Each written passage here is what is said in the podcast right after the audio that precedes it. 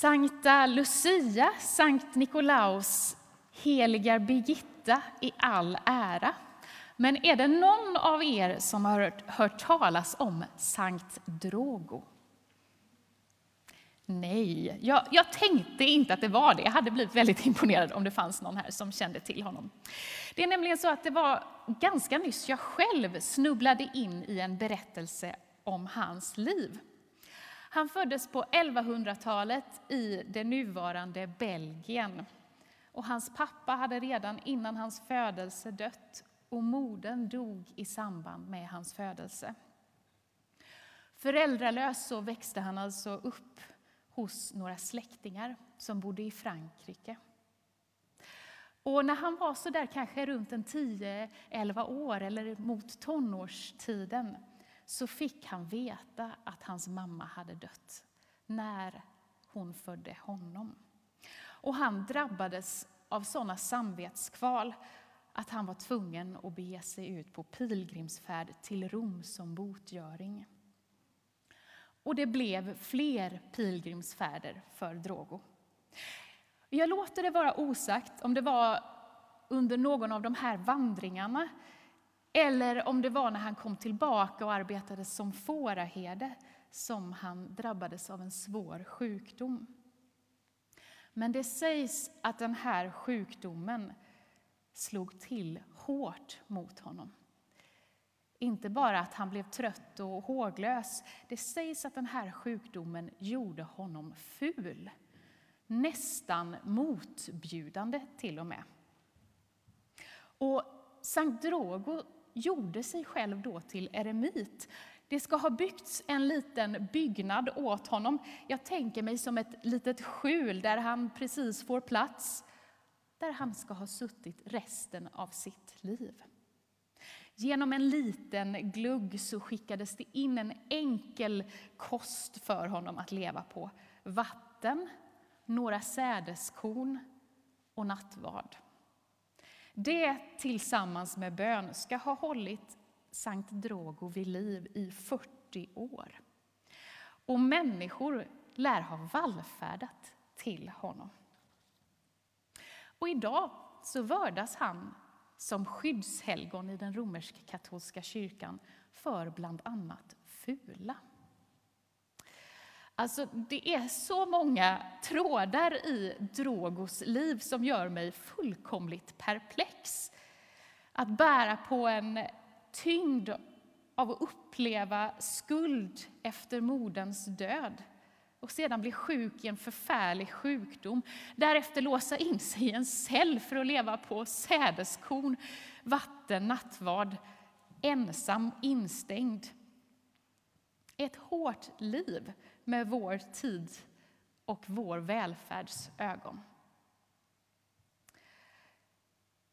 Men hans liv väcker ändå ofrånkomligen frågor för just vår tid. Idag så, jag ska återkomma till de frågorna, men det är ju så att idag i Sverige så är det ju få som dör i barnafödsel i Sverige här. Och om så sker så läggs skulden, åtminstone inte från samhällets håll, på barnet. Skulle Drogo ha blivit sjuk idag så skulle han fått någon form av vård. Och han skulle definitivt, troligtvis, inte byggas in i en cell för de närmaste 40 åren. För att liksom skydda omvärlden från hans utseende. Och skyddshelgon för fula, vad är det ens? Jag vet inte. Det finns absolut mycket att vara kritisk till när det gäller Drogos liv. Och samtidigt så ligger det ju någonting av Paulus ord och skvalpar i mig när jag hör det. Anpassa er inte för efter denna världen, utan låt er förvandlas genom förnyelsen av era tankar så att ni kan avgöra vad som är Guds vilja. Det går inte att anklaga Sankt Drogo för att ha anpassat sig för efter världen, i synnerhet inte efter vår tid. Och samtidigt så kan jag inte riktigt släppa taget om att han ändå hade någon slags livsutrymme för sin speciella karaktär. Vad hade hänt med Drogo om han hade levt idag? Möjligtvis hade han fått lov att bygga den där cellen med lite bygglov och så, men det är inte säkert. Snarare hade den cell som han kanske hamnat i varit i en evig vårdcirkel med oändliga remisser som svar. Och om han nu ändå hade fått bygga den här cellen och stänga in sig där, hade då någon överhuvudtaget kommit till honom? Inte bara i, av barmhärtighet för att ge mat, det är en del av det, men också för att han faktiskt hade någonting att säga om det här livet som vi andra inte har.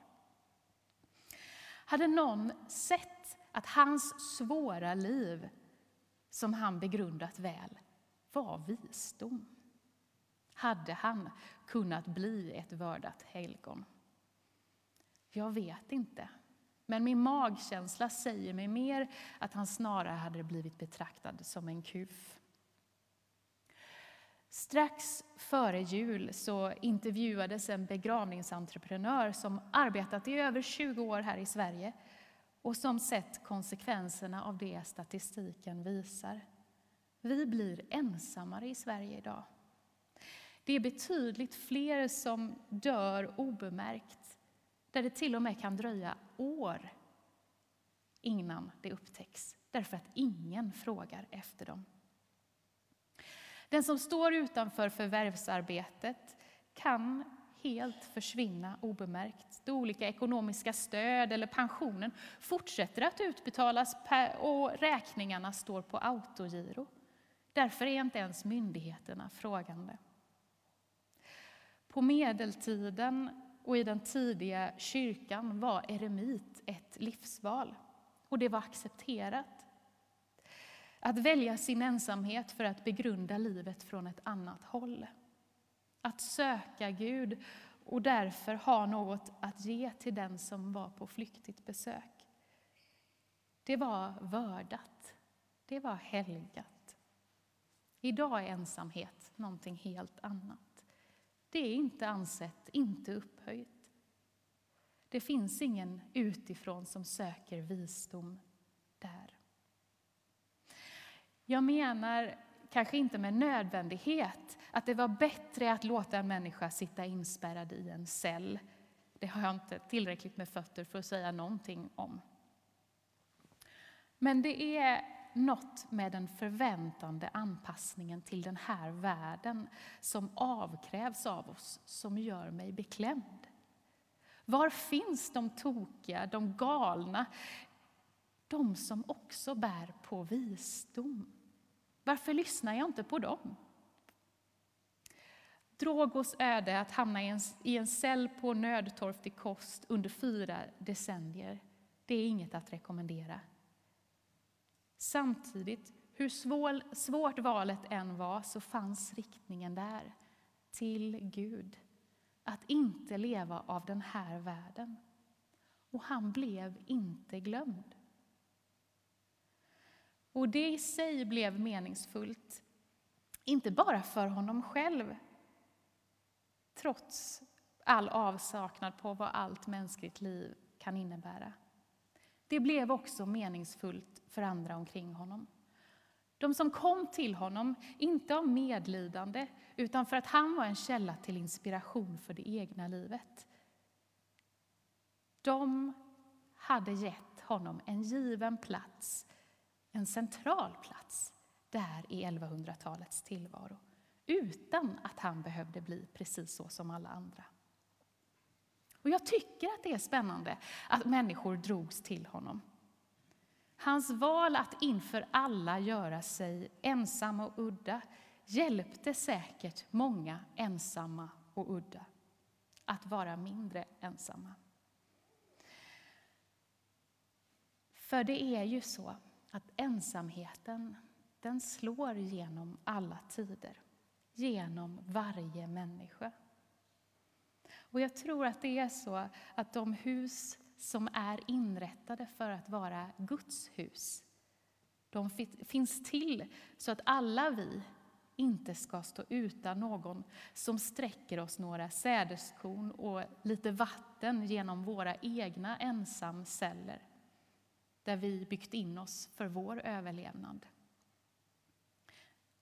Där vi kan få vishet i retur. Huset som ger oss tillhörigheten. Där all vår konstighet får plats, är älskad. Där vi får dela bröd och vin. I byggandet av den kyrka som är vårt gemensamma arv, våra traditioner, vår tro, det vi gör och är och som tillsammans bildar en stor smältdegel som bygger upp det hus som är Guds hus, har Drogo fått en plats. Att på 1100-talet var det inte märkligt och på 1100-talet var det inte märkligt att lägga större vikt vid det kommande livet än det som är nu. Det som ändå är så kort i evighetens perspektiv. Och kanske är det dit som Jesus vill rikta våra tankar idag när han uppfyller inte bara Sakarja-orden på åsnan utan också profetorden från Jesaja och Jeremia. Att Guds hus ska vara en bönens hus för alla folk och att det istället har blivit ett rövarnäste. Och att det är Gud själv som ska åstadkomma att templet i Israel inte längre ska stå kvar. Det talar Jesus om flera gånger, att templet inte ska stå, få, få stå kvar och att det ska komma en tid när vi istället ska tillbe Gud i ande och sanning. Fullpumpad av adrenalin så sätter alltså Jesus igång och välta omkull bord, förhindra de som vill gå över, välta stolar för de som säljer duvor.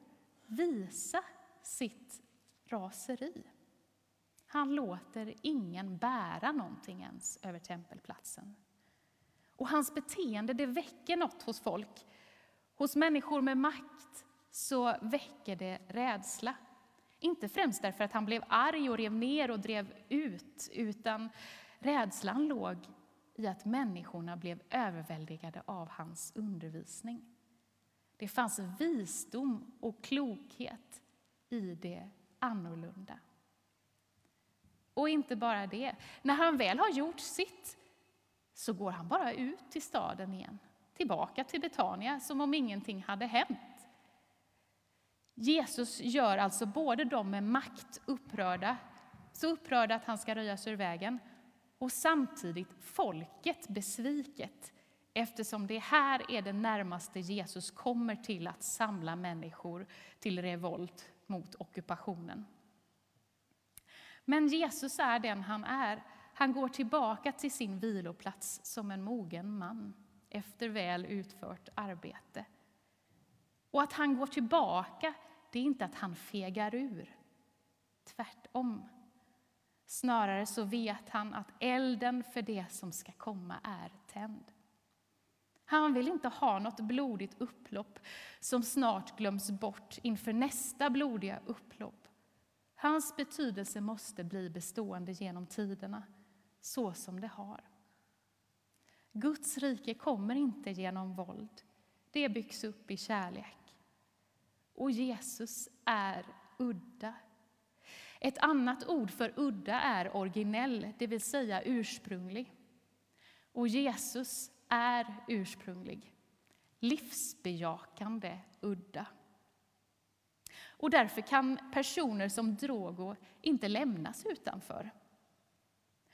Och om det finns plats för Drogo i Guds hus, då finns det plats för oss alla. Det Jesus bygger upp, det är annorlunda eftersom det inte är av den här världen.